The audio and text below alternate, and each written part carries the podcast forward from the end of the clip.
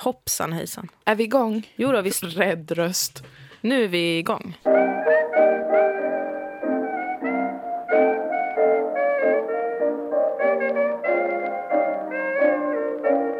Hej! Hej Moa! Hej Dilan. Vad trevligt att ses så här. Ja, jag har uppknäppta byxor, Ja. vilket skapar en lite konstig ambiance i rummet. Jag tycker att det är problematiskt, men Jag har inte använt jeans så länge. Det, det senaste året har jag börjat använda jeans.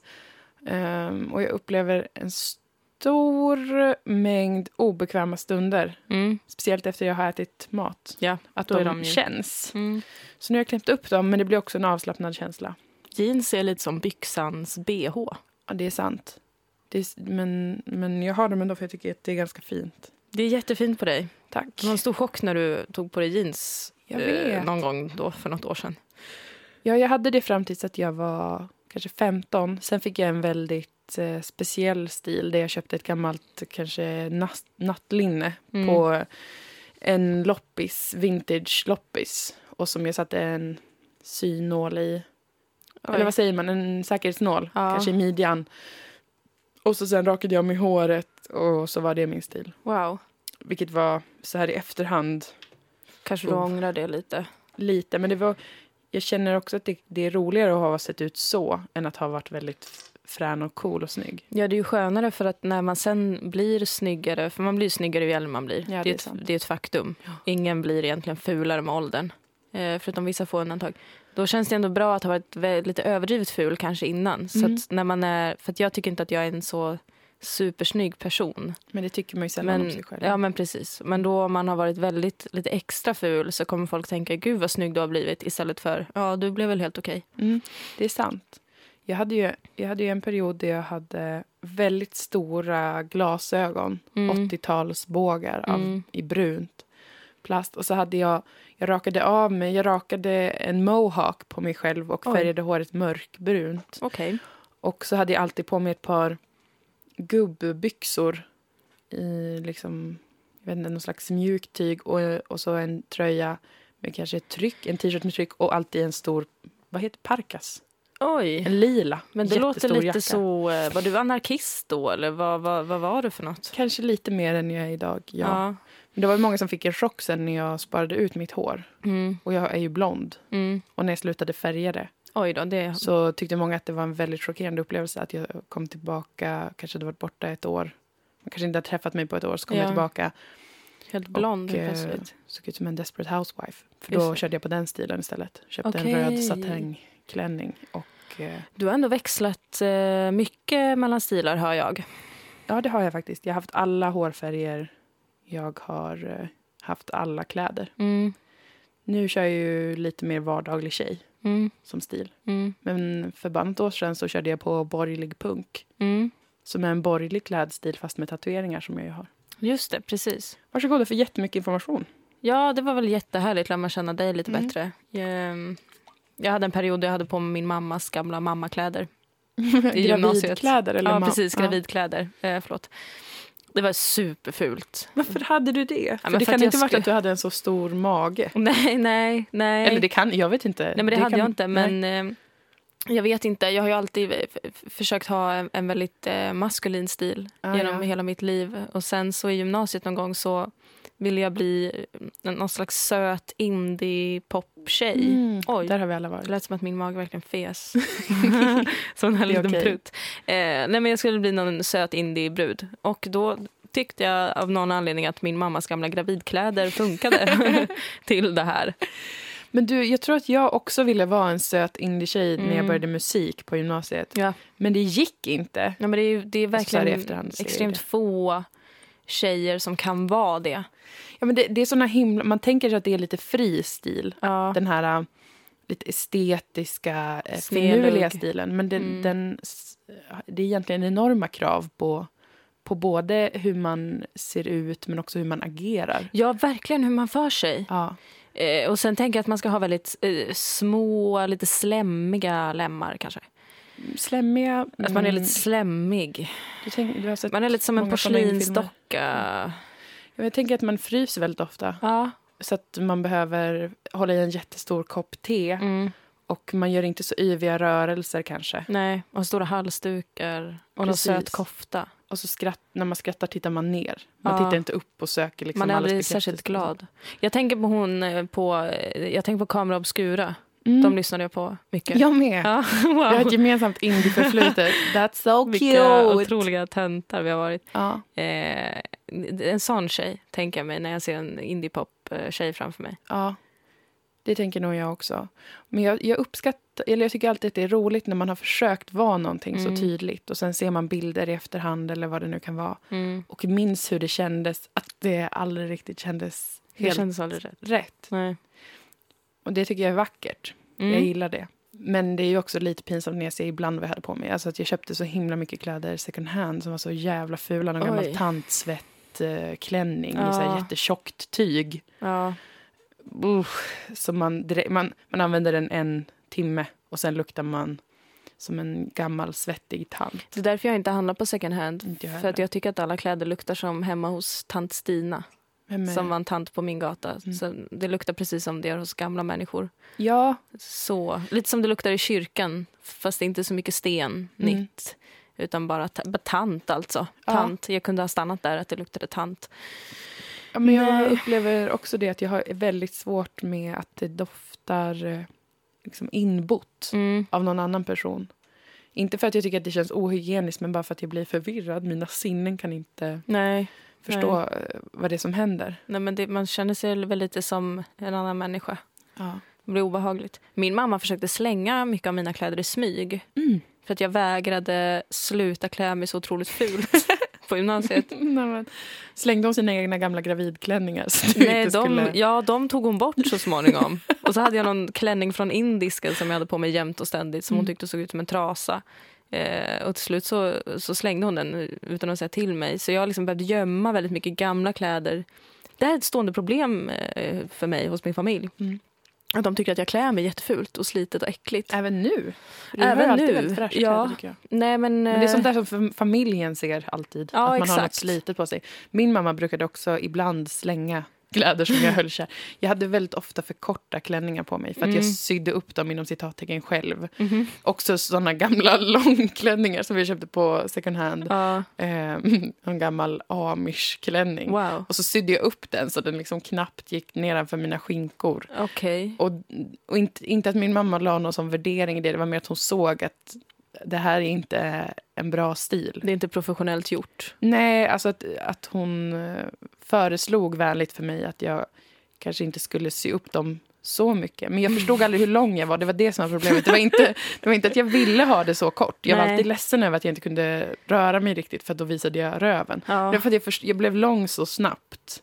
Du hann inte riktigt med. Nej, men så här klassisk eh, tonåring som inte vet hur lång, alltså man har ingen riktig motorik. Och Nej. helt plötsligt blir ens ben jättelånga. Man vet inte, man vet inte hur långt ner ett tyg måste gå för att täcka. Men föräldrar Röven. vet heller inte. Föräldrar tycker ju alltid att jag tror inte att kanske de klänningarna var för korta för Jo, dig. De kanske var bilder. lite De för var, korta. det var som att man såg liksom halva min röv. Men för att föräldrar vill alltid att man ska ha alldeles för stora kläder på sig. Det är sant. För att man ska kunna växa i det. Och när jag säger föräldrar så menar jag i alla fall åtminstone mina egna. Mm, men mina med. Men jag är glad att jag än idag kan ärva kläder i alla fall av min stora syster. Ja, det är ju gött. Det är också de enda snygga kläder jag har. Varje gång jag ska Mm. handla kläder själv så blir det ganska fult. Jag upplever lite samma sak. Jag har haft Mm. några bättre månader nu där jag har, alltså i år, jag, men problemet är ju att jag har inte råd. Alltså jag kan inte köpa, jag skulle vilja köpa lite finare kläder. Mm. Kanske så från Vera Mm. på Åhléns. Mm. Det är det finaste jag kan tänka Gilla mig. Vera. Mm. Men jag har inte råd med det så då måste jag köpa en från Åhléns vanliga kläder. Ja. Eller från Monkey eller någonting. Och de har ju ibland fina grejer men ofta är det sånt som jag ser skit weird ut. Ja, det är lite weird. Ibland hittar man någon guldkorn då. Ja, man måste lägga så mycket tid på det bara om man ska få till någonting. Ja, det är liksom. jättejobbigt. Jag förstår inte varför man ska behöva tänka så otroligt mycket. Men det är väl för att det blir fult annars då. ja, Får man väl tänka sig. men det gör ju å andra sidan ingenting. Nej. Men jag har ju en dröm. Jag tror att det är för att jag liksom, eftersom att jag är medelklass så vill Mm. jag bli ännu mer medelklass. Mm. Undermedvetet drivs jag mot att försöka köpa kvalitetssaker. Just det. Eller inte så undermedvetet, det är ju Ganska medvetet ändå. ganska medvetet. Men att jag känner en, en djurisk längtan efter att köpa någonting som kostar 200 kronor mer Ja. än eh, ett likadant plagg. Ja. Bara för att jag tänker mig att jag vill ha en kvalitetsskjorta, ett par bra jeans, ett par skor som håller i flera år och lägga lite mer pengar på det. Och så Mm. håller det. Men sen blir det aldrig så, för att jag kan inte lägga liksom 500 spänn på en, ett klädesplagg. Nej, jag gör det ibland.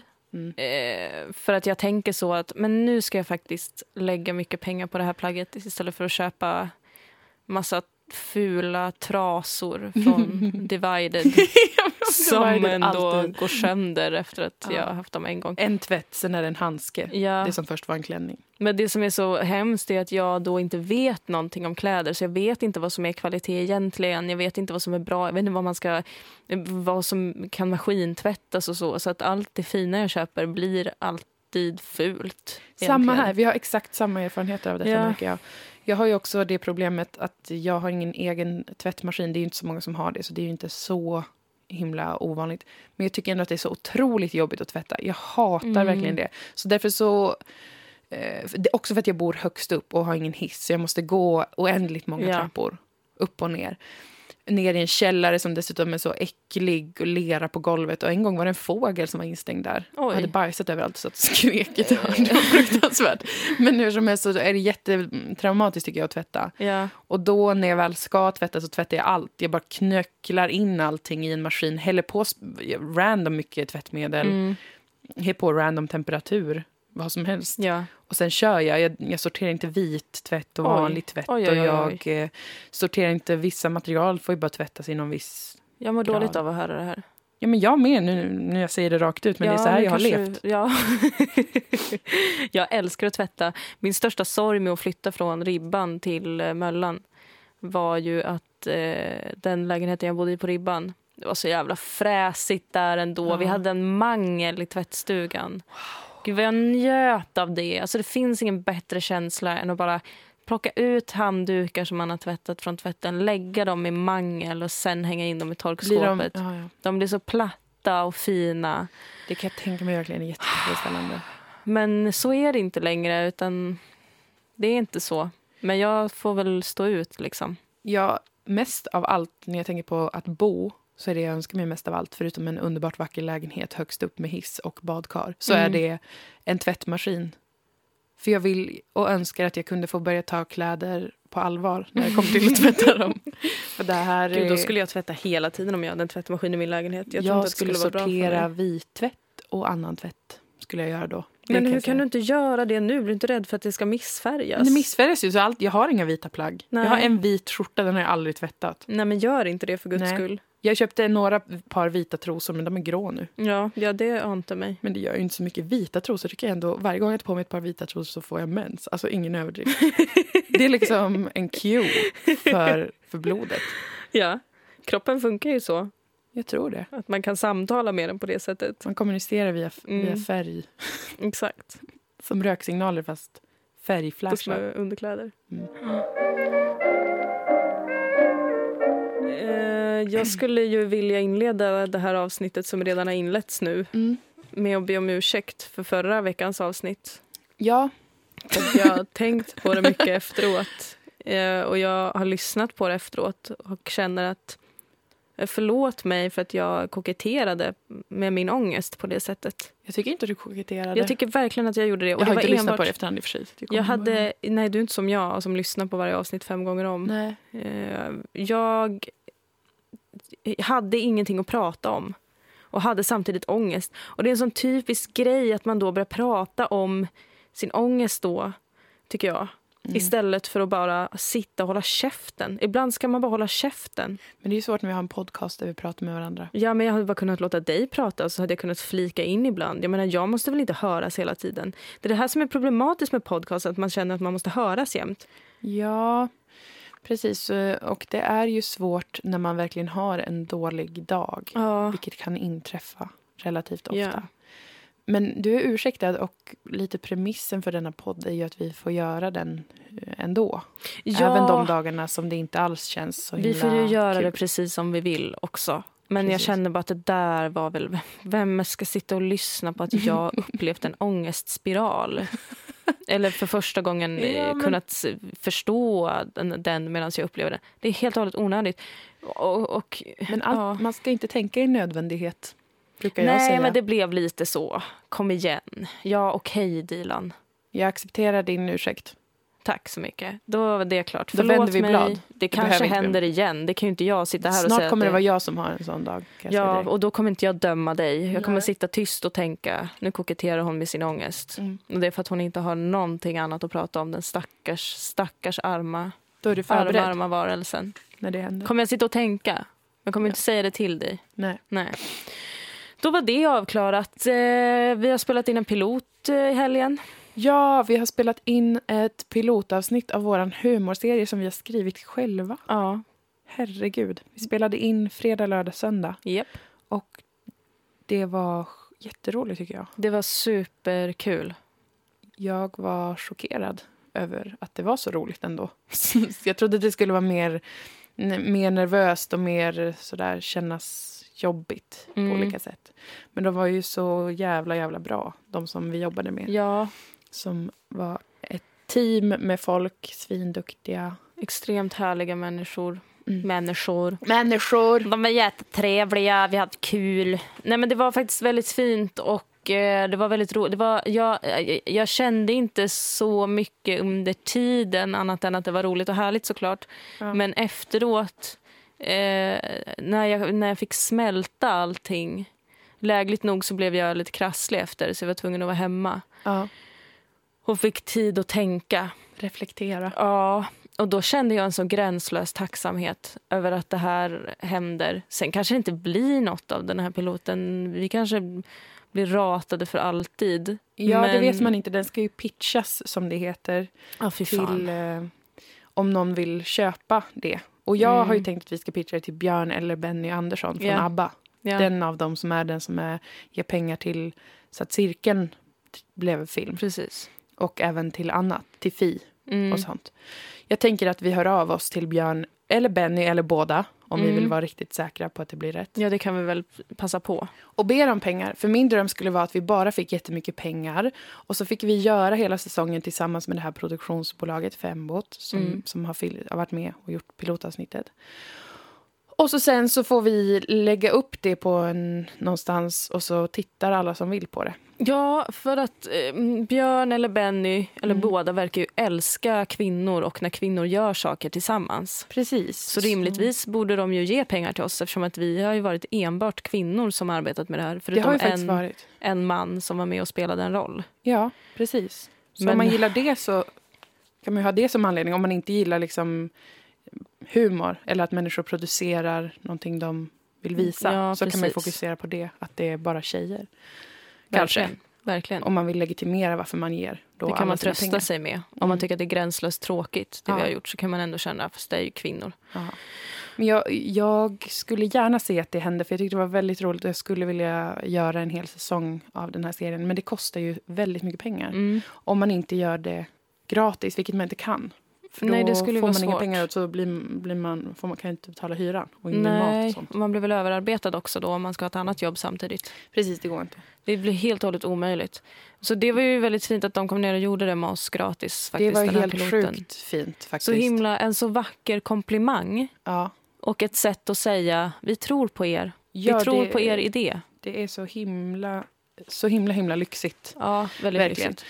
Men det känns lite svårt att sälja in en sån här sak, tycker jag. Jag vet inte hur det går till för det första, men, men Nej. också för att jag känner mig osäker på om det finns ett intresse av att satsa på humor. Alltså att egenvärdet i humor. Mm. Att när jag tänker på liksom vad, vad SVT verkar ha lagt mycket eh, fokus på så är det ju, alltså humormässigt så är det ju personer, unga personer som då redan har en stor målgrupp. Kanske Youtube-stjärnskott. Ja, de verkar vara poppis. De är ju jättepoppis och de har ju redan, de har ju en jättestor following då, kanske främst på, i, eller överallt såklart då.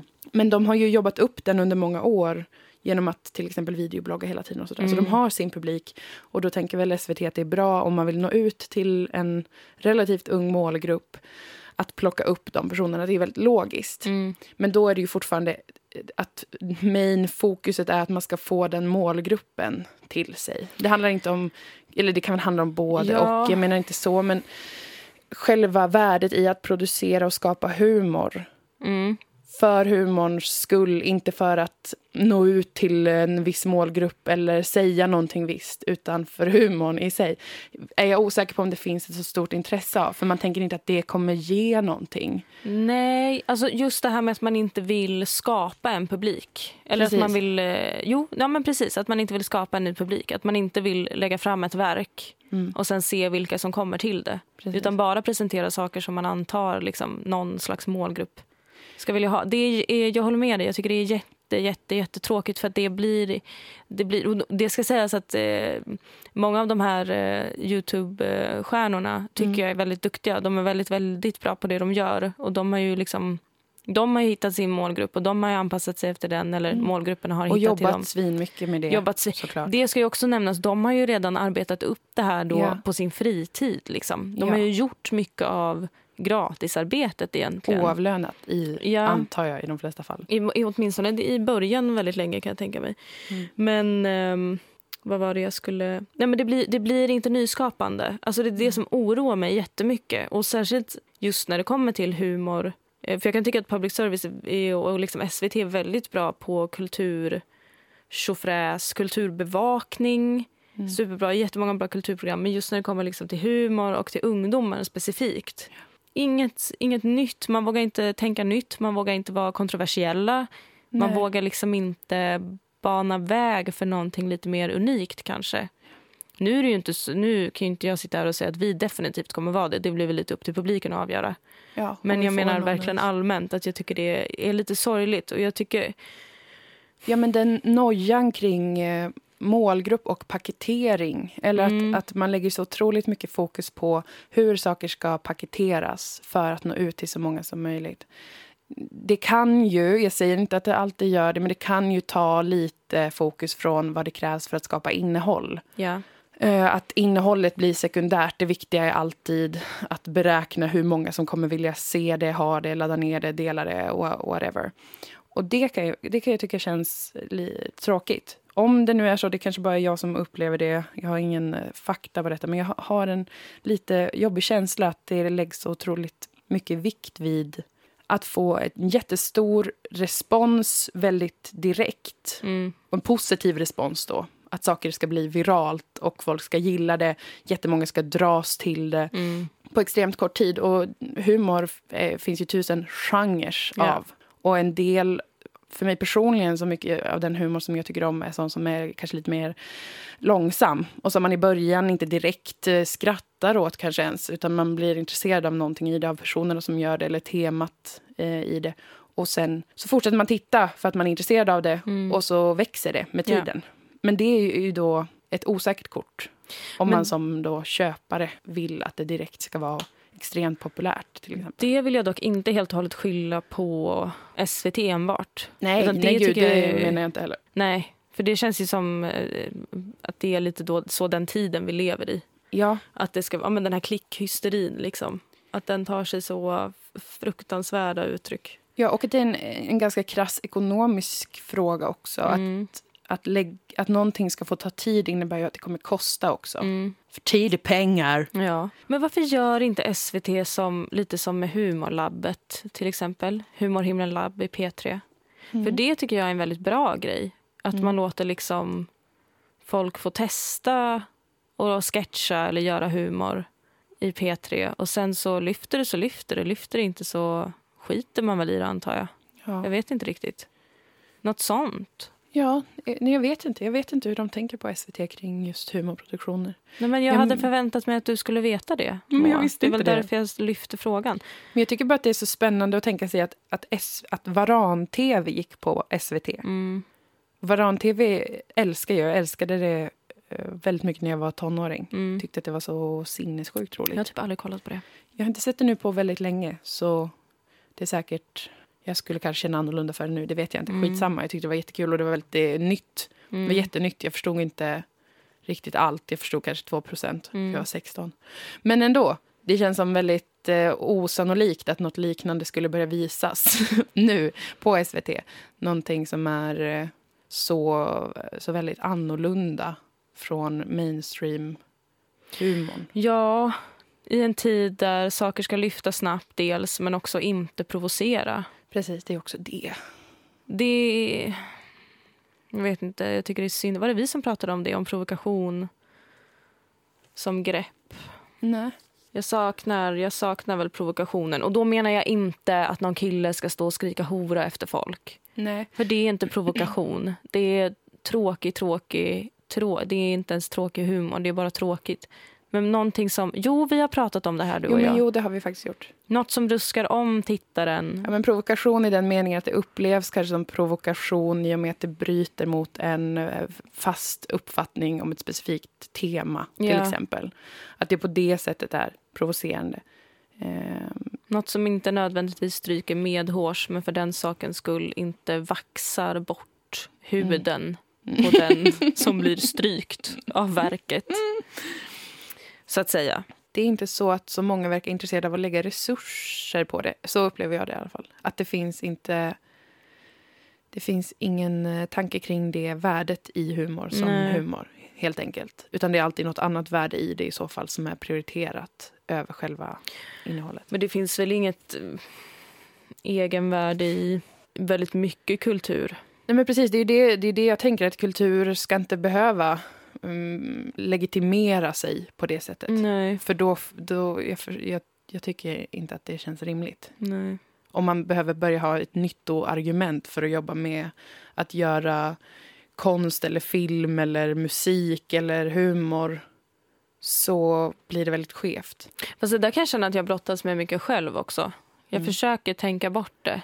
Men att jag väldigt ofta kan känna vad finns det för nytta med det som jag gör? Mm. Vad finns det för nytta med att jag ska gå runt och försöka vara rolig? Vad, vad tillför jag överhuvudtaget? Alltså att man känner den här lite eh, någonstans att man borde jobba med något som gör skillnad och som gör nytta.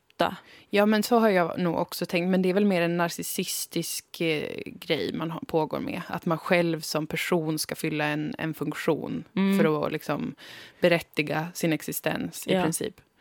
Så det, men det tänker jag också på. Att jag eh, bara, jag borde verkligen bli eh, något annat. Ja. Typ eh, barnmorska. För att då skulle jag kunna känna att jag verkligen gör någonting för det här samhället. Men det handlar ju om mig som person. Ja, Men på mer strukturell nivå, eller vad fan man ska säga, samhällelig nivå, så tycker jag inte att det nyttoargumentet ska behöva finnas. funkar. För att legitimera att göra saker. Nej, och jag brukar alltid landa i att jag ändå skulle vara för dålig på allt annat. Ja, jag har ju funderat på att utbilda mig till läkare. Ja. Bara, bara, bara på grund av att jag ett har en känsla av att jag kanske inte kommer kunna hantera ett sånt här frilansliv och inte den här branschen heller i längden. Mm. Och två, den, precis den grejen, en, en nytto... Ja. eh, en väldigt eh, eh, e- egocentrisk upplevelse, så att säga. Av att jag önskar att jag fyllde en större funktion. Och kunde Ja. lägga förband på någon som blöder och göra hjärt-lungräddning och operera någon sånt. Precis. Men jag vet inte, jag älskar ju, jag älskar ju verkligen eh, humor. Alltså som egen fo- form.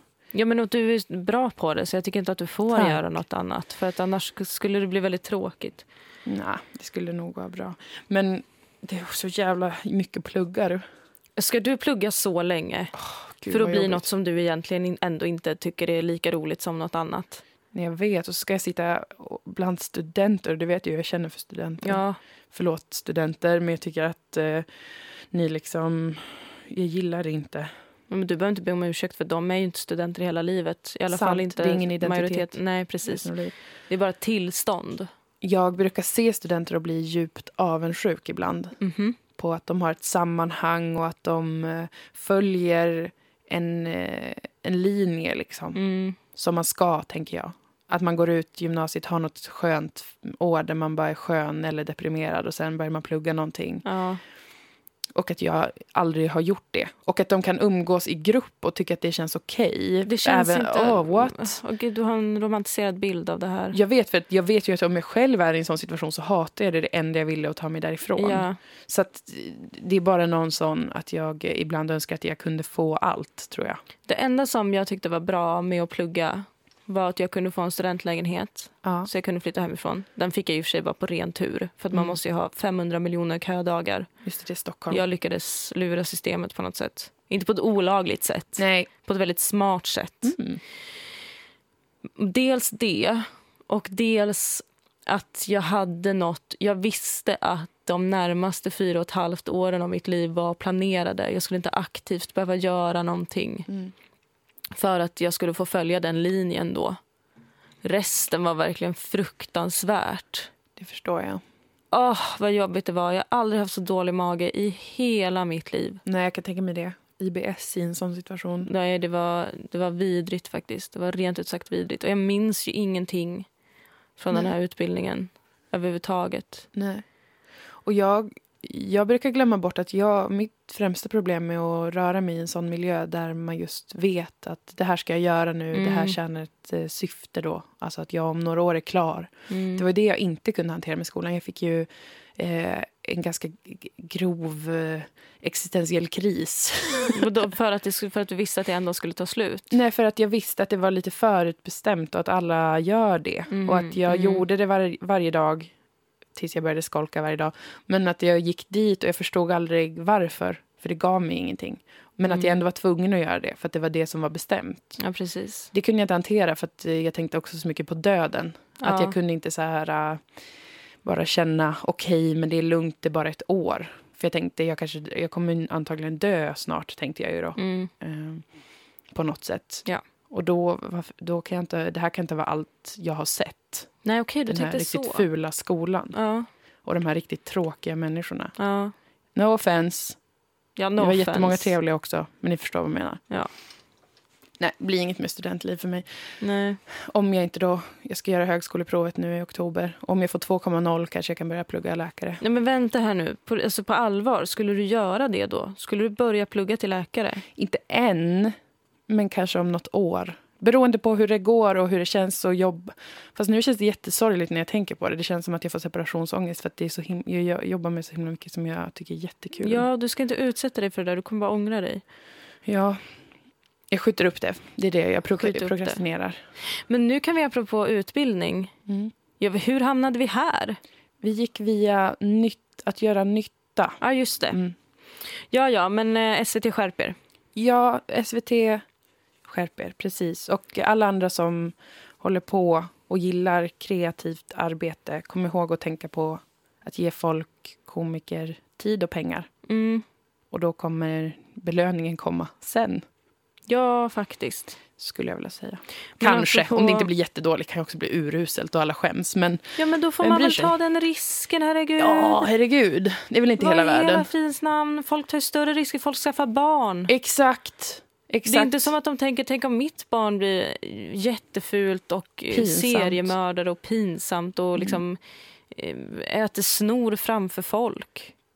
Det är ingen som tänker så och sen inte skaffar barn. De skaffar barn. De tänker det, det, sen skaffar de det ändå. De Ja. vä- väljer att ta risken för att de vet att det lilla barnet det kommer ge mig någonting. Exakt. Om det inte liksom börjar förakta mig väldigt tidigt och tar avstånd från mig till exempel. är Men det ändå, verkligen en större risk att ge lite pengar till ett humorprojekt? Det kan det inte vara. Nej, för humorprojektet, om det inte lyfter så kan du ju också, då kan du ta bort det. Ett Ja. barn kan du inte ta bort. Nej, Gud, inte du efter vecka ditt eget 12 eller barn. 18 eller något sånt. Ja, eller efter år 12 till Ja. exempel. Du kan, du kan inte skjuta ditt barn. Nej, du, kan skicka ett internat men det kommer ändå komma hem. Till ett internat men det kommer ändå komma hem. ja. På jul och sådär. Och för Så att- hela samhället kommer ändå vara på dig med sina normer om Ja, att man ska älska sina barn och du kommer vara tvungen att låtsas. Och det, God det är liksom en mycket, mycket större... Alla ni på SVT som skaffar barn men, som inte inte Lägger pengar Ja. på... humorprojekt till Mm. exempel. Mm. Tänk efter en gång till. Rannsaka er själva kanske. Ja. Apropå utbildning. Mm. Eh, den här pilotinspelningen fick mig också att verkligen landa i en insikt om att eh, vi behöver mer lov. Eller att vi behöver lov för vuxna. Jag tycker det är helt absurt att det inte finns lov i arbetslivet. Mm. För att att vi gjorde den här grejen, att vi gjorde någonting annat och vi liksom avsatte tre dagar för att bara göra det här Mm. och gå in för något och koppla bort allt annat gav mig så himla mycket pepp och energi. Ja. Inte bara för liksom, den här serien som vi förhoppningsvis eh, kan få liksom, pengar till att skriva klart alla avsnitt och spela in och Mm.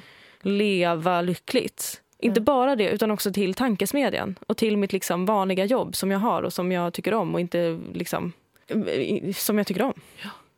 Och det, Det är jättehärligt. jättehärligt. Och då kände jag så här, men det var ju sånt här man gjorde liksom på typ gymnasiet när man hade höstlov. Då gick man och gjorde något kul som man inte hinner göra annars. Så man tänkte inte så mycket på skolan då utan man gjorde och fixade och trixade. Man kanske åkte snowboard om man älskade det eller man åkte på något läger för någonting. Man kanske hade intressen. Jag satt mest framför datorn men det var för att jag inte hade några stora intressen då. Förutom dator då. Förutom datorn Mm. då. Förutom bilddagboken. Kul. Eh, det var Hemsida kul. var det. Kul hemsida var det. Eh, Playahead, stallet.se, Hogwarts.nu och så vidare. Ja. Men varför, det är också konstigt att vi liksom fostras i hela grundskolan och gymnasiet med att vi har lov. Ja, och sen är det inget mer med det. Sen är det inget mer med det. Och det är, liksom, det är inte som att man kan repa sig från arbetslivet med fem veckor på sommaren. Nej. Eller fyra veckor på sommaren och sen kanske en vecka vid jul. Nej. Det funkar inte. Jag tror att man behöver de här pauserna och hitta på något annat kul så att man känner glädje och energi inför allt det som är ens vardag. Det är det som är bra med att vara frilans som jag är nu. För då Ja. får jag ju de loven, även kallat arbetslöshet, i perioder. Ja. Det Problemet är väl då kanske att, man, att jag inte riktigt kan välja när det ska inträffa. Så under några månader har jag då jättemycket jobb. Mm. Eller det här är mitt första år som frilans. Så jag har upplevt perioder av inga jobb. Mm. Jätteskönt. Lov har jag tänkt. Mm. Sommarlov, höstlov, vårlov, vad det kan ha varit för årstid har jag gillat det. Har liksom känt att det har varit toppenskönt att vara ledig så mycket. Också efter att jag hade jobbat på Tankesmedjan i fem säsonger. Jag var så jävla trött Mm. på det. Huva. Sen så blir det perioder då med jättemycket jobb. Vad var det jag skulle säga? Jo, men alltså det är på ett sätt som att man får de loven men Ja. inte riktigt kanske alltid när man behöver dem. Men ändå. Det blir ju mer varierat på det sättet. ja, det blir det ju. Men jag tycker att inför det, alla som Höstlov. styr. Höstlov och eh, vårlov. Och först- Påsklov har man väl lite. Ja, man borde ha påsklov, höstlov och ett ordentligt jullov. Och först tänkte jag så här, det är väl en naiv tanke att prata om sånt. Och sen kände jag så här, varför ska det vara en naiv tanke för helvete? Ja. Man behöver väl för fan ta lite ledigt då och då. Det kommer ju folk inte göra. De har ett jobb. De vill inte lägga sin betalda betal, De vill inte ta ut obetald semester mitt under terminen. Man sparar all betald semester till sommaren när man ska göra roliga saker. Ja. Det är ju inhumant. ja. Mer betald semester är det du försöker framföra som, Ja, som är ju, du får ta med regeringen. Jag får väl ta det med regeringen då. Jag tycker bara det är konstigt att man inte... Herregud. Och sen sitter de och undrar varför folk är sönderstressade av sina arbeten. Men Ja. ge dem lite lov. Ja. Låt dem utveckla sin andliga odling en vecka varje termin. Mm. Det är väl inte så himla kontroversiellt egentligen. Nej, jag tycker absolut inte det. Jag är en stark förespråkare av att jobba väldigt lite så Mm. länge det, man får ihop de pengar man behöver. Och att vara ledig så mycket det går och till exempel äta mat man gillar, kolla på tv-serier och umgås med någon som man tycker är minst okej. Ja. Jag är en väldigt stark förespråkare för det. Jag tycker det är väldigt eh, weird att jobba så mycket. Nu när jag har jobbat mycket så upplever jag ju hur jag blir mentalt utpumpad. Och det blev jag Mm. även när jag jobbade på Tankesmedjan. För att jag, jag tycker liksom att det är en stor eh, ja, men ansträngning ändå att leva, är det så? Mm, Finnas till. Att det är mycket Ja. att tänka på, som Ja. det är. det är det. Eh, att eh, befinna sig på en klump materia så, som bara svävar omkring egentligen i ett universum. Vi vet inte vad, vad det är, eller är det oändligt? Eller vad händer Mm. sen? Eh, Finns det någon poäng? Varför levde dinosaurierna här? och så vidare. Det är Levde mycket- de ens överhuvudtaget? Det gjorde de. De och varför, varför eh, finns vi? Alla de gymnasieintellektuella filosofiska frågorna tycker jag, bara det, att det ligger latent varenda dag, Ja. är ju en viss ansträngning. Och om man på det, En viss Ska- ansträngning. Nu tycker jag att du är diplomatisk faktiskt. en otroligt stor ansträngning Ja. som blir lite lättare med tiden att, han- att hantera. Mycket för att man får börja dricka vin efter en viss ålder Mm. och på så vis kan få paus från det då och då i Precis. goda vänners lag. Så därför så tycker jag att man har redan det som är, kan vara periodvis nästan outhärdligt svårt. Mm. Och sen så ska man gå till en, en främmande miljö. Börja samtala med folk man inte känner sedan många år tillbaka utan som är helt nya för en. Mm. På det så ska man utföra en syssla som kan vara vilken syssla som helst, men som ändå kräver energi. Ja. Fysiskt, psykiskt eller både och.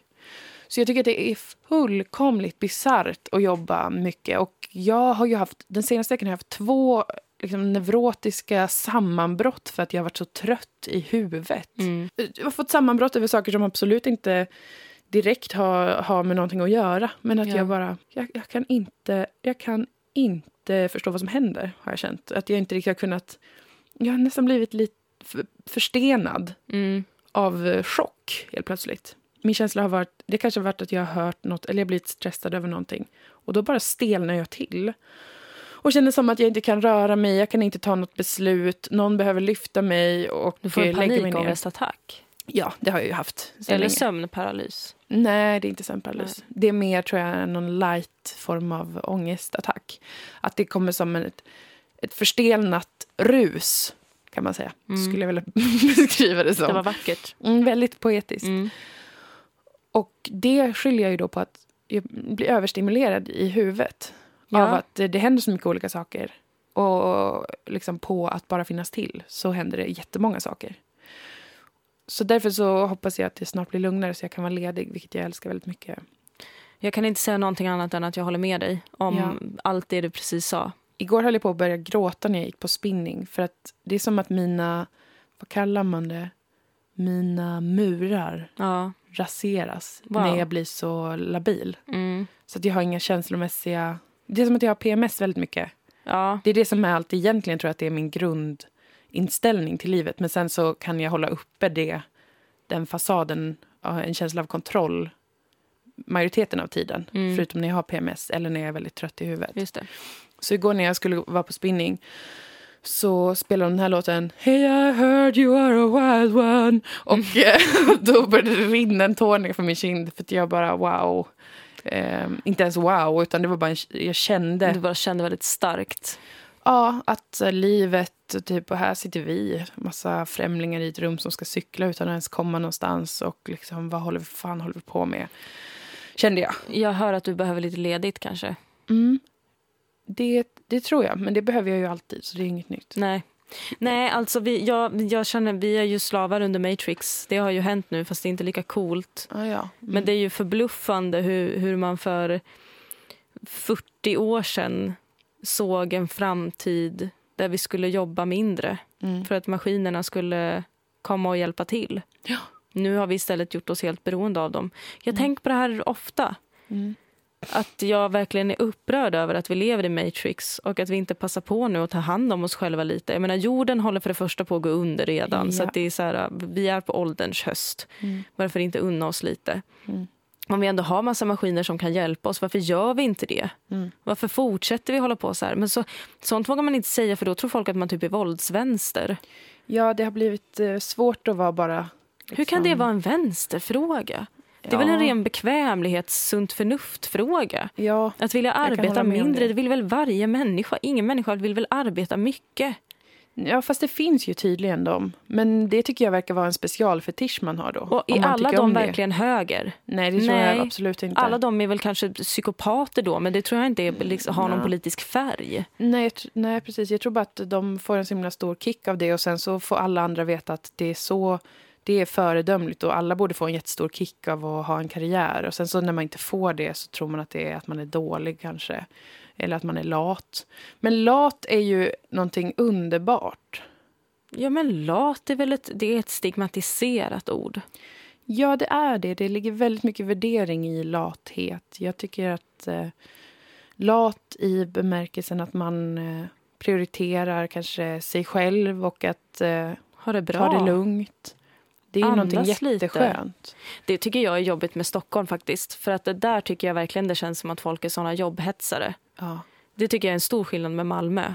ja. Att här arbetar man men sen så går man hem från jobbet och ibland kanske man inte älskar sitt jobb men man går dit för att få råd att betala hyran men sen är inte det hela ens liv. I Stockholm känns det som att alla är galna karriärister som bara vill byta jobb hela tiden och klättra på någon slags karriärstege. Det kan säkert finnas eh, olika starka Eh, Det här tror jag om alla stockholmare. Ja, Jag tror att alla är så. Prestationsbaserade ånglok. Ja, många är nog det. Konstigt att ni är så otrevliga. Är ni trötta och stressade jämt? Precis. Var hemma från jobbet en dag och var full hela dagen. Ja, sjuka er för helvete. Släpp kontrollen Oh lite. god, ja. Jag minns när jag blev... Jag var med i en, någon slags eh, skriftlig intervju i Nöjesguiden Mhm. om mitt jobb när jag jobbade på Tankesmedjan. Ja. Och jag var så genuint förbryllad över frågorna för jag hade aldrig någonsin riktigt tänkt på mitt jobb på det sättet. De var så här, äh, hur viktiga är kontakter i public service-branschen och eh, hur får man sitt drömjobb och, och eh, vad är dina bästa tips när man gör karriär och sånt. Så det var som en total clash of worlds. Va? För att eh, jag tänkte, finns det unga människor som tänker så? Och det är klart det gör. De allra flesta gör väl det kanske. Men, men det var så himla speciellt Nej, men upplevelse du- att få de frågorna. Om man tänker hur man ska göra karriär när man är 22 då håller du på med fel jävla sak. Man ska ju göra något som, man, som ger en så pass mycket tillfredsställelse att man inte tänker på vart det ska ta en utan man tänker att man har det trevligt och bra. Ja, Om man eller bara tänker halva sig fram som springvikarie i, i mellanstadiet. Som jag Ja, eller det. Ja. Eller packa smink för satans hantlangare L'Oreal, som jag också gjorde. Jaha. Men det skrev jag inte som ett tips, för jag tror inte det var det de ville höra. Jag skrev bara att mitt tips var att inte göra karriär kanske. Eller liksom, om Men göra gör karriär, det är så himla konstigt. Jag stör mig så himla mycket på... Vad fan är det? Jag fattar inte. Jag, jag- alltså jag förstår genuint inte. Och det är så, när börjar man då göra sin... Börjar man, när börjar man göra karriär? När är karriären klar? Ja. Vad, vad, vad, hur vet man? Finns det någon slags start och slut på det här? Finns det några obligatoriska punkter man måste gå igenom för att ha en regelrätt karriär? Ja, jag vet, jag, jag blir också förvirrad och det är... Eh, jag tänker ofta att jag är en kontrollperson, alltså att jag har ett stort kontrollbehov. Men när jag tänker på människor som lägger upp och planerar att göra karriär till exempel, så tänker jag herregud vad mycket större kontrollbehov de har. Mm. För det måste väl vara det lite grann det handlar om. Att kunna rä- beräkna, räkna ut vad som kommer ge en störst så att säga, avkastning socialt och statusmässigt och så vidare. Och sen sikta på det och vara målinriktad och att jobbet då är verkligen... Så otroligt centralt i ens liv. Ja. Jag tycker mer att det... Ja, nej, jag vet inte. Man jobbar för att få betalt för att göra kul. Mm. Så tänker jag. Och sen så kan man ju om man har tur få jobba med något som man faktiskt tycker är riktigt roligt. Ja, det, det är jävligt tur om man får det. Jag känner en gränslös tacksamhet inför att jag får ha som min sysselsättning att eh, göra radio. Gud, det kände jag verkligen också. Fast ändå så började jag ju vantrivas extremt mycket. För Ja, att det men- gör jag av jobb. Alltså jag tycker att det blir efter en tid när, när det finns så mycket krav liksom från chefer och från olika överhuvuden att man ska göra på vissa sätt. Då stryper det allt som är kul och sen så vill jag bara sluta eller gå hem och vara Men du är ledig. en rebel. Ja, eller mer att jag bara, jag kan liksom inte riktigt stå ut med det. Jag tycker det blir så jävla tråkigt allting. Ja, jag tycker bara att allt som gör att jag inte behöver vända mig till... Varför skulle jag någonsin behöva vända mig till min utbildning? Det är inte som att jag måste göra det. Jag sitter och håller Nej. på så pågår om det. Och jag är så glad att jag inte behöver jobba som jurist. Men det är inte som att jag... Om jag inte hade jobbat på Sveriges Radio så hade jag varit tvungen att vara jurist. Det hade jag inte behövt vara. Då hade jag ju kunnat jobba i en bokhandel istället. Mm. Det hade jag ju. Det hade jag trivts med. Det tror jag hade varit trevligt för dig. Det hade varit så trevligt. Ska vi öppna, för det här har varit en dröm som jag länge har haft och det är att öppna ett um, slags eh, café men som också är ett antikvariat och som också är ett ställe där man lämnar in sina växter om man åker på semester och om man vill ge bort en växt så lämnar man in det och sen så kan någon annan ta hand om den. men, Du eh, hade mig fram till växter. Där men det var en jag- bra idé jag haft. Att om man åker på semester och inte vet var man ska ha sin växt så kan man ge, ställa det i då ditt och mitt eh, antikvariatbokcafé. Fast det blir du som får ta hand om växterna Jag då. tycker jättemycket om, om växter. Ja. Jag tar hand om dem. Men sen så finns det också en avdelning för de som bara, jag kan inte ha den här växten för jag ska flytta. Och så tar jag den då. Ja. Och så kanske någon annan kommer och köper den. Vi kan också ha ett system där man får lämna in sina gamla böcker som vi återförsäljer åt folk. För det har jag erfarenhet av. Ja, det kan vi göra. Och skriva nya förord. Får jag skryta om att jag har jobbat på juristernas bokhandel? Ja, jag förstår inte varför det är ett skryt. Så det är För lugnt. att det var typ världens bästa jobb som jag någonsin har haft. Mm. Det var så himla härligt. Åh, ibland, ibland när jag har såna dagar där livet är för mycket Mm. och jag ändå måste jobba och känner att hur i helvete ska jag klara av det här? Jag Mm. förstår inte hur, hur, Mm. jag ska klara av det här. Eh, då brukar jag alltid drömma mig tillbaka till juristernas bokhandel. Ja. Jag var queen of the bookstore. Jag fick ha Wow. fredagarna för mig själv. Då var jag ensam i butiken. Vår chef var inte där. Vår chef var i och för sig ganska härlig. Hon Mm. hade alltid massa skvaller om Olof Palme. Nice. Och hade Weird. någon bror som ibland skickade skor som han hade köpt i fel storlek eller skinnjackor. Så gav han dem till henne så sålde hon dem i butiken. Så det var lite konstiga saker vi sålde tillsammans med kurslitteratur. Där fick jag sitta och dricka kaffe. Mm. Och så kom det in juriststudenter som bara, åh, måste jag köpa, åh, jag måste köpa sju böcker. Så kunde jag säga så här, du, mellan dig och mig, den där boken behöver du inte. Ja. Och det där Du häftet, var som en vis gammal farbror. Ja, Gud vad härligt. det där kan du få. Det finns en pdf som cirkulerar bland studenterna. Du kan lägga vantarna på den istället, du, så behöver du inte köpa det där. Och så blev de så glada över att de inte behövde betala massa pengar. Mm. Och så kunde det också komma in så dryga, dryga juriststudenter ibland. Då kunde jag få dryga mig mot dem. Ja. Det var ändå något som jag gärna ville göra men som jag aldrig fick tillfälle att göra annars eftersom att jag inte pratade så mycket med dem i skolan då. För Mm. att de var lite kanske häftigare och så, Mm. att jag inte umgicks med dem. Det var jätte... Oj. Det var jättehärligt. Jag blev rörd, började hulka. ja. Det låter Åh. fan extremt. Jag har inte haft något jobb förutom det här året och tankesmedjan som jag har tyckt om överhuvudtaget. Det var egentligen en ganska jobbig upplevelse när jag tänkte tillbaka på det. Att jag inte tyckte om någonting jag gjorde fram tills att jag började på tankesmedjan. Det var Mm. första gången jag kände att jag, även fast jag hade extrem prestationsångest och panik kanske tre av fyra dagar i veckan, i alla fall i början, så kände jag ändå att det var så himla, himla, himla roligt. Mm. Men innan det, alltså fram tills att jag var 21, eller var jag 20? Någonting sånt.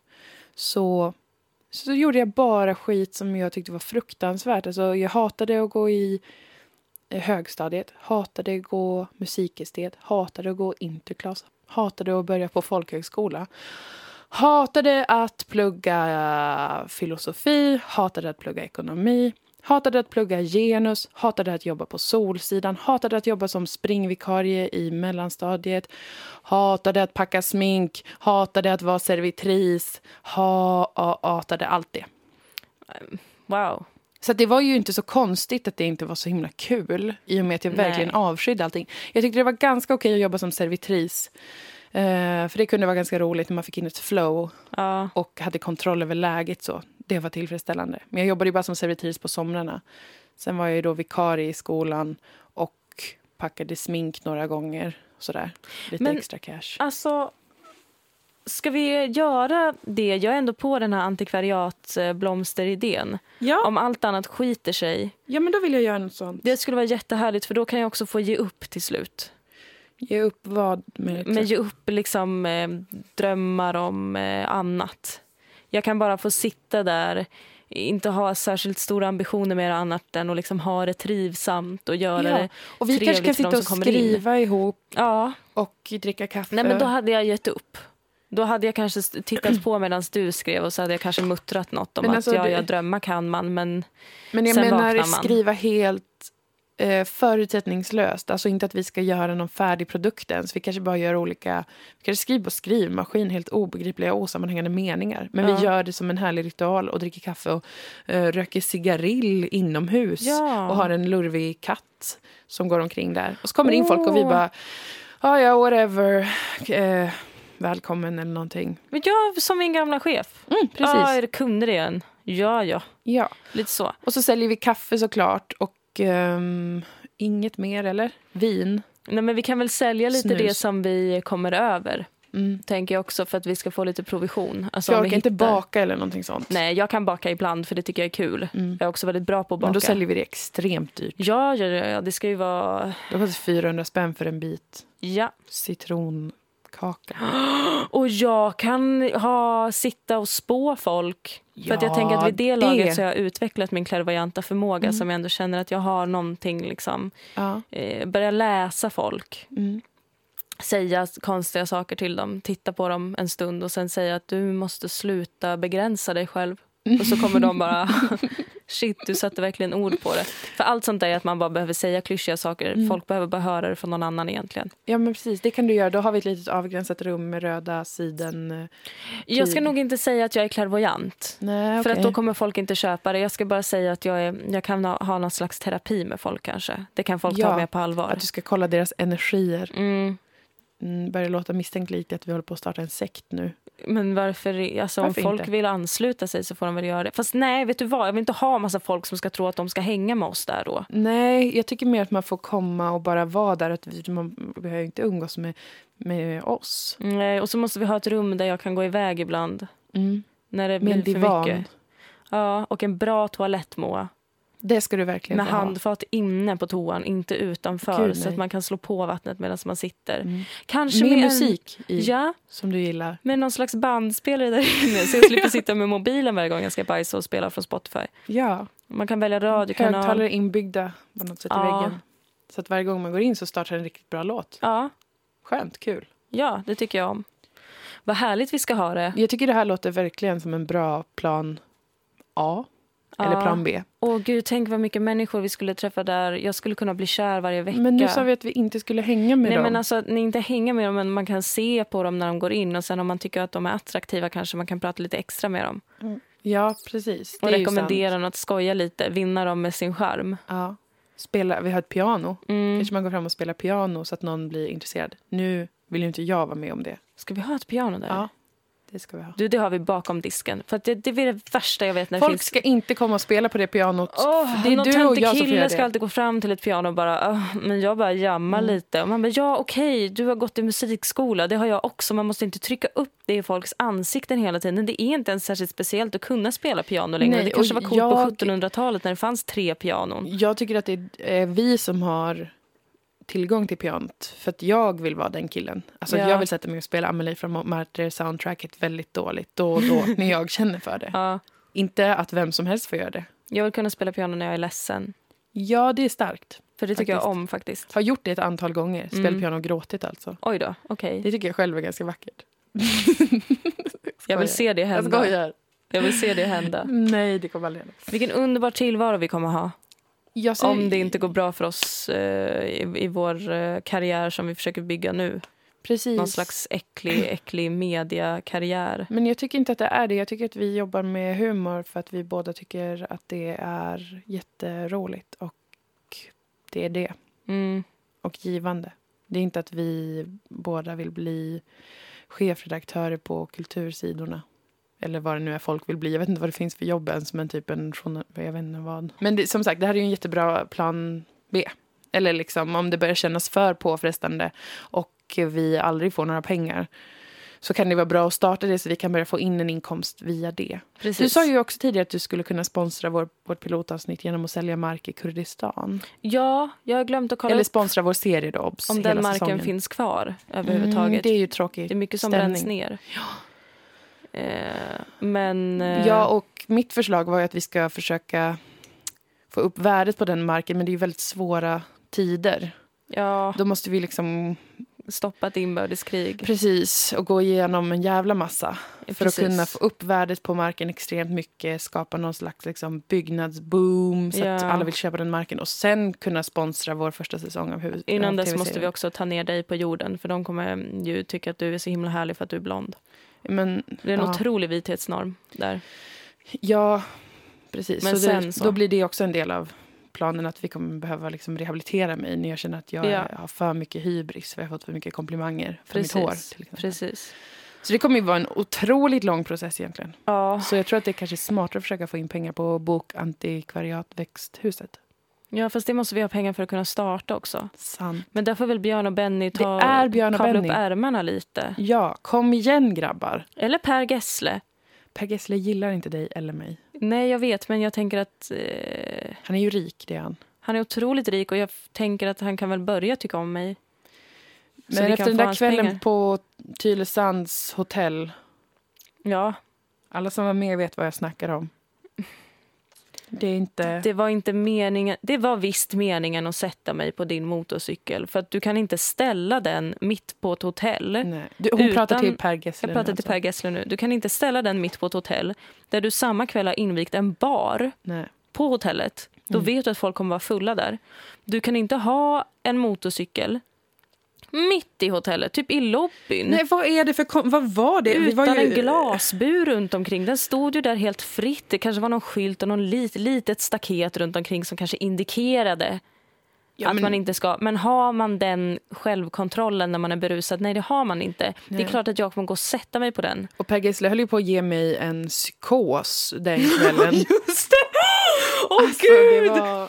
Det var helt otroligt! Men ibland när jag är full och någonting osannolikt händer så kan jag för mitt liv, då, då får jag en sån, sån känsla av att allting, eller ingenting är på riktigt. Allting är eh, liksom ett konstigt, en konstig, bara ett skådespel eller en fantasi, the Truman show, vad som helst. Jag kan få en riktig sån.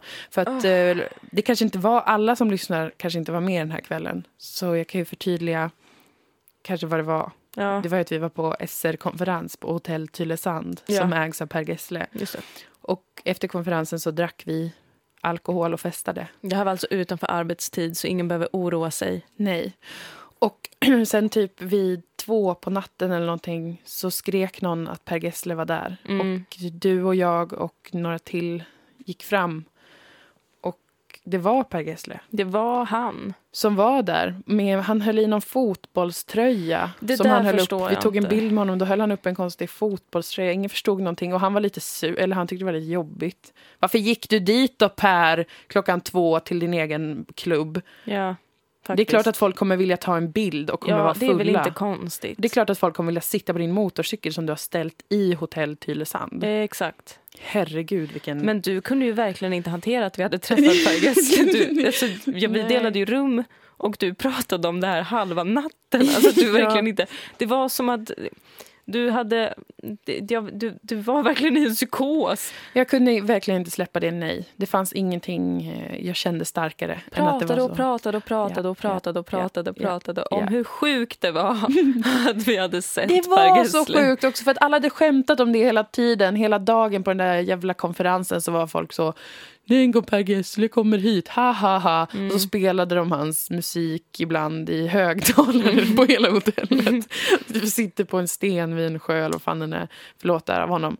Och så skrattade vi och sa nu är han här och sjunger. Mm. Sen var han ju inte det. Och Men sen, på sen- natten så kommer han dit. Varför?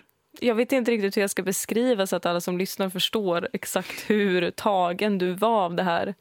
Det, det går inte att beskriva. Ja, nej. Nej, jag vet. Men det är någonting som kan hända ibland när jag som sagt när jag är full och någonting väldigt utöver det vanliga händer. Mm. En gång på nyårsafton så åkte vi buss till en fest. Och så var bussen lite sen så det blev, han bli tolvslag. Då drack vi bubbel i bussen, det var bara vi i bussen och då satte busschauffören på jättehög musik, släckte lamporna och körde runt i en rondell så att vi såg ut över stan och fyrverkerierna Va? på tolvslaget. Han körde typ fem varv i rondellen. Världens snällaste busschaufför. Han är, var, det var underbart. Och då fick jag också en sån liksom, en känsla av att det här är inte verkligt. Det här Nej. händer inte i verkligheten som jag känner till den. Så resten av kvällen tänkte jag bara på det. Och sen när vi hamnade på någon sån eh, lurkig fest med massa unga människor som var för fulla så var det ändå som att jag, jag kunde inte tänka på något annat. Jag var Nej. tvungen att åka hem sen för att jag kände bara att det... Jag, mycket. jag slängdes in i något magiskt och sen kastades jag ut igen och så visste jag inte vad som var verkligt längre. Och så kände jag även när vi såg Per Gessle. ja, Eller träffade var, honom. Det var faktiskt jättekul och jobbigt samtidigt eftersom att jag ändå ville sova efter ett tag. Ja, Men du inte... men hur kan man sova efter något sånt? är frågan jag ställer mig. Jag minns att du liksom vid något tillfälle när jag typ trodde att du hade blivit klar så hade du lagt dig ner. Så bara reser du upp så att du sitter upp och, och tar upp det igen. Att vad sjukt det var. Det som är, ja, vi har etablerat det att det var sjukt. Vi, kan, vi släpper det nu. Det var så otroligt magiskt. Men så Per Gessle kommer antagligen inte vilja sponsra vår humorserie. För att han minns hur fulla vi var. Han gillade det nog inte för att han är tråkig antar jag. Jag vet inte, förlåt. kanske. Det var Nu kanske han börjar hata dig också verkligen jättemycket för att du sitter och kränker honom. Ja, men då kanske inte, om inte du tål den här utmaningen Per Gessle, att liksom få lite mothugg, då kanske inte du är rätt sponsor. Eller Nej, liksom, men, vad sant. man nu ska kalla det. Vi får väl hoppas på Benny då. Eller Björn eller, Eller vem det nu Björn. är. Vi måste säga några saker innan vi slutar. Ja. Det första är ett medskick jag vill göra till folk. Mhm. Sluta sympatisera med kurder. Oj, okej. För att det tar oss ingen jävla stans. Jag vill inte höra någon mer bara Åh, jag är kurdvän. Okej. Jag tycker synd, det är synd att kurder förtrycks. Mm. Ja, det har aldrig hjälpt. Ni kanske ska börja titta på de skurkländerna som håller på och kukar ur. Ni kanske ska kritisera Turkiet någon gång för att det är verkligen helt otroligt vad de håller på med. Mm. Deras pressfrihet finns inte. Det, det, det är fortfarande det är på gränsen till inbördeskrig. De, vad gör de ens mot Islamiska staten? Vad är det som pågår? Så kan ni sluta hålla på och typ tro att ni är snälla bara för att ni är kurdvänner. Ni behöver inte ens vara kurdvänner. Ni behöver inte tycka om kurder. Det är inte det det handlar om. Det Ingen behöver tycka klassiskt. om oss. Vi är också konstiga. Alla människor är det. Alla människor är det. Ni behöver liksom inte hålla på och vara våra vänner. Vi behöver inte vänner. Vi behöver folk som säger åt dem som håller på att dumma sig. Ja, folk som orkar läsa en, eh, ett lagförslag behöver vi. Ja, Jag förstår vad du vill ha. Mer, eh, mer politiskt riktad ilska och mindre... Ja, men ilska och Mm, ilska. Man kan, väl vara lite, man kan väl försöka göra något för en gångs skull. Mm. Man kan väl försöka vara lite realistisk och lite pragmatisk och inte bara hålla på och ja, vi tycker synd om er. Men Mm. vi ska aldrig någonsin säga åt dem som är dumma i huvudet. Nej men okej, tack Nej, men det så är ett mycket bra för det. medskick till, till alla lyssnare. Det var allvarligt, men jag vill ändå Mm. säga det. Ja, men man får säga allvarliga saker i podden. Tack så mycket. Mm. Förutom det ska vi väl också göra reklam för oss själva. Givetvis, givetvis, givetvis. På onsdag den... Datum? Torsdag Torsdag, den 8 oktober. precis. Då kommer vi till Bonden bar i Stockholm. Det är klubben Oslipat som eh, erbjuder sin scen för oss. Ja, Och vi kommer framföra vår konst som är föreställningen Det nya tråkiga. en föreställning om 90-talister. Precis. Myterna och forskningen kring 90-talister. Det handlar Ja. alltså om generationsforskning, oerhört kontroversiellt. Väldigt kontroversiellt. Eh, Det är ju ett ganska litet ställe, Bonden bar, så vi rekommenderar verkligen att ni köper biljetter i Gör förväg. det. För att det finns ungefär eh, sammanlagt, jag tror att det är typ 100 platser. Ja. Och vi har sålt en del biljetter redan, så att köp på förhand så att ni kan få komma in. För Ja, vi vill ju att ni För ska det göra kommer, jag tror inte man, det kommer gå att köpa. Jag tror att det kommer ta slut så att man inte kan köpa i dörren. Precis. Sen så kommer vi till Jönköping också den 29 oktober. Ja, och jag står uppar What's going on What? i Uppsala nästa onsdag, den då, dagen innan vi har vår föreställning, den 7 oktober. Ja, men då kan man alltså den 7 oktober värma upp med att gå och kolla, se dig köra stand-up i Uppsala. Ja, På Oslipat också då. ja precis. Och sen på dagen efter... Katalin. Va? På Katalin i Uppsala som Ja, ett ställe. en på jazz- Katalin. grej. Och sen dagen efter så kommer man att se vår humorföreställning, Ja, föreläsning. och jag vill säga till er, om det är någon av er som kommer till Uppsala, att jag står uppar inte så himla ofta för jag, tyck, jag finner det gränslöst obehagligt och jag är ganska dålig på det. Eller ibland kan jag vara lite bra, men för det mesta är jag ganska usel. Ja. Och sådär. Så jag vill inte att ni ska tro något bara. Nej. Ha inga förväntningar men kom ändå, brukar jag Ja. säga. Men det är väl, Och betala ändå, brukar jag också säga. ha inga förväntningar men kom ändå. Det Köp, jag var... köp biljetter. Det, det kommer andra superroliga människor dit, så att, eh, kom för deras skull då. Om ni tycker Ja. att jag är så jävla tråkig. Nej men det är du som sitter och säger att du är tråkig. Nu blir jag upprörd för det är det faktiskt inte. Vilken... Eh, har vi några fler medskick? Har du något förtryckt folk du vill lyfta innan vi slutar? Samerna, alltså. Förlåt mig, men jag har sagt det här en gång tidigare i podden. Eh, Det är helt otroligt Mm. hur vi inte pratar om att, eh, att Sverige ockuperar Sápmi. Mm. Det vill jag säga en gång till. Jag har verkligen ingen, ingenting relevant att komma med i diskussionen. Jag bara tycker det är förbluffande alltså att, att vi alltså ockuperar land Mm. i Sverige Mm. och att det inte att det inte riktigt existerar. Nej, det är faktiskt eh, sjukt att det inte talas mer om. Men jag har verkligen ingenting att komma med. Nej, så men vi jag får väl, det vi får väl läsa återigen. på lite mer och prata om... Men då skulle vi pågå samerna. med tolkningsföreträde och kulturell appropriering och Jag sånt. tror inte det jag. är det att prata om någonting. Jag är inte säker. Det Tror kan vara det? det, absolut. Nej, jag har inget mer medskick. Eh, låt mig tänka. Nej, men jag poddar ju otroligt mycket. Det börjar nästan kännas pinsamt hur mycket jag är med i podcast. Jag har ju en podd nu som heter Motioner med Moa. Ja. Fastän jag ville att den skulle heta Motionspodden. Fick inte det. Eh, men den finns. Mm. Hitta den och lyssna på den. Och eh, om ni gillar den, vad kul. Vad glad jag blir. Om inte, nej. Och sen så är jag med i lite andra poddar också. Så Ja. Så att du, du går och hittar överallt där det finns poddar, kan man säga om dig. i princip. Vilken otroligt eh, samlad podd det kändes som idag. Ja, jag vill återigen tänker nu om jag vill be om ursäkt för någonting. Jag tänker att jag alltid vill avsluta med att Mm. och be om ursäkt om jag har sagt någonting ol- olämpligt. Förlåt om jag sa ogenomtänkta saker om SVT och humor. Mm. Eller jag vet jag inte om jag ber om... gjorde, men- Ja, jag, lite, men jag vill inte be om ursäkt för något. Kanske gör lite till inte Per. Gessle. Ja, men lite förlåt. Det är klart att du går till din egen klubb klockan två på natten. Ja, men det var ju invigningen också, så det förstår man väl. Men jag tänker inte be om ursäkt för att jag satte mig på din motorcykel. För att tänk så här, jag är en ung människa som skapar minnen. Ja, exakt. Så tänk att du gav det till mig, Per Gessle. Du gav mig det minnet. Du gav mig en upplevelse av att vara gränspsykotisk. Det är Tack. också ett minne som jag bär med mig. Mm. Och förlåt igen alla som lyssnar för att jag höll på att kokettera med min ångest förra Ja, veckan. Det var förlåt för att eh, onödigt. jag finns, vill jag säga direkt. det var verkligen inte meningen. Jag Förlåt hade inte planerat det. Okej, puss och kram. Hej då. Farväl.